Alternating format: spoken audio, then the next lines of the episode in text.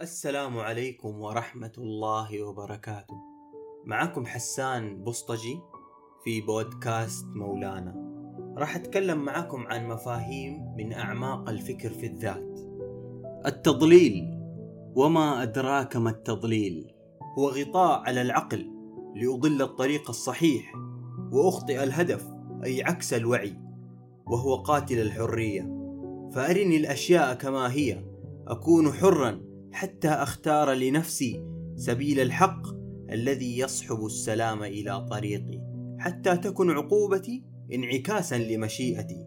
فلا تظهرني كأحمق يا رجل ولا أود أن أكون بيني وبين نفسي احمقا حتى لو جهل الجميع فمرآتي أهم. وإن جهلي أسوأ ما في الوجود والأسوأ منه الجهل بجهلي. راح أتكلم معاكم عن نوعين من التضليل.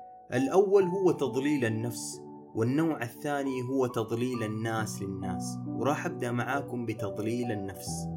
هو أن تكون أنت الجاني والمجني عليه. تضلل ذاتك. وهذا النوع غالبا ما تكون نتيجته. حطام داخلي أو انحراف شديد يؤدي أيضا إلى حطام داخلي وإزعاج خارجي. زي اللي يضلل نفسه في بداية الأمر حتى يغلبه الظن بأن ضلاله صواب ونتائج ضلاله هي ابتلاءات ويتوجب عليه الصبر الجميل واحيانا يخبره الجميع وتخبره نفسه بأن فعله مشين يعطي التبريرات لنفسه ويضللها حتى يصعب عليه الرجوع إلى الصواب ويكن طريق العودة مكلفا أكثر. فأول نموذج أعرضه لكم عن تضليل النفس هو في العلاقات. عندما تعجب وتنبهر بشخص في أول الأمر وهذا من الطبيعي ثم تتعلق به وبعد مرور الوقت تكتشف فيه عيوب لا تستطيع تحملها وأبعادها ليس في مقدرتك تحملها فتصبر نفسك بأوهام أنت من فصلها وخيطها بيدك فإذا ارتبطت به بزواج أو أي مشروع له تبعات عديدة وجدت أن ما قمت بخياطته لم يكن على مقاسك. فلا تكن جاهلا وضالا في علاقة تهدر منك الكثير. وحتى رفع التوقعات فوق الحد هو والله تضليل لنفسك أيضا. وهذا أغبى شيء ممكن تهلك نفسك به. فإنك تخترع لنفسك شعور لم تكن تشعر به حقا. والنموذج الثاني اللي حبيت أذكره لكم هو في الرزق. يكن بتجهيلك في إمكانياتك وتتعامى مع نفسك في طرق كسب العيش وتضييق مصادر الدخل والفرص على نفسك زي اللي يقول ما عندي وقت. هذا ما له علاقة بهذا في التنمية وتنوم جراحك وتعدي الأيام وينسرق منك الوقت من جد. فأكل العيش يحب الخفية والثقة بالنفس. ومعرفة ذاتك وإمكانياتك مهمة جدا. ولكنها لا تكفي. الأهم أن تعرف كيف توظف إمكانياتك.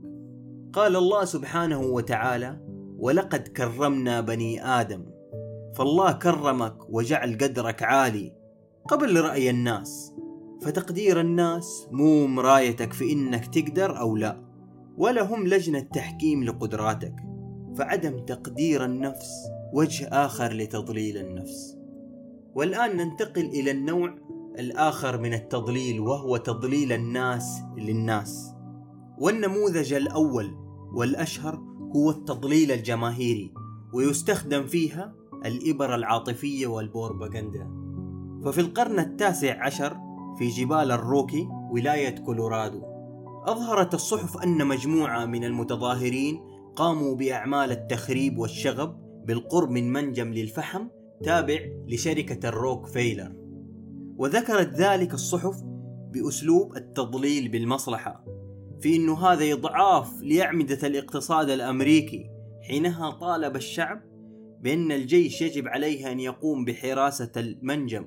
ولكن لو نظرنا تحت المجهر تجد أن الشركة قامت بسجن عمالها داخل المنجم وكل ذلك مقابل دولار ونصف لليوم. غير أن كل يوم يموت منهم خمسة وبالإضافة إلى الأطفال الموجودين داخل المنجم. وأن المتظاهرين هم أقارب للعمال يطالبون بإخراجهم وبتأمين صحي يضمن سلامتهم. والنموذج الثاني في تضليل الناس للناس هو التضليل المعاكس. هو الشخص الذي يحجبك عن النعمة وينور رؤيتك للنقمة وإن كانت طفيفة. هو بالفعل يوجد نصف فارغ من الكوب ولكن عندما تحتاج أن تشرب فلن تشرب إلا الجزء المليء من الكوب. والنموذج الثالث هو تضليل العلاقات للآخرين في أن ألون صورة أحدهم بأبشع شيء ممكن. وألوثها. حتى يضلل عقلك ويمنعك من إنشاء صداقة أو صفقة قد تكون جيدة لو اكتشفتها بنفسك. والخطأ الأعظم هو عندما نفكر في الناس دائما كما لو أنهم مثلنا تماما في الصفات النفسية والفكرية. وتذكر دائما أن الحياة لا تسير بلا مبدأ ولكن من منا يصوب مبدأه دائما؟ ضلالك هو عدوك وإن لم تجد النور في طريقك فنور الفطرة هو أنقى نور ولدت به ثم تتبعها الصبغة وهي الاستجابة للفطرة. والتزكية هي الفجوة التي تعبر منها للخلاص وهذا اختيارك. ومن هنا نختم لنلتقي في بودكاست آخر. أستودعتكم الله.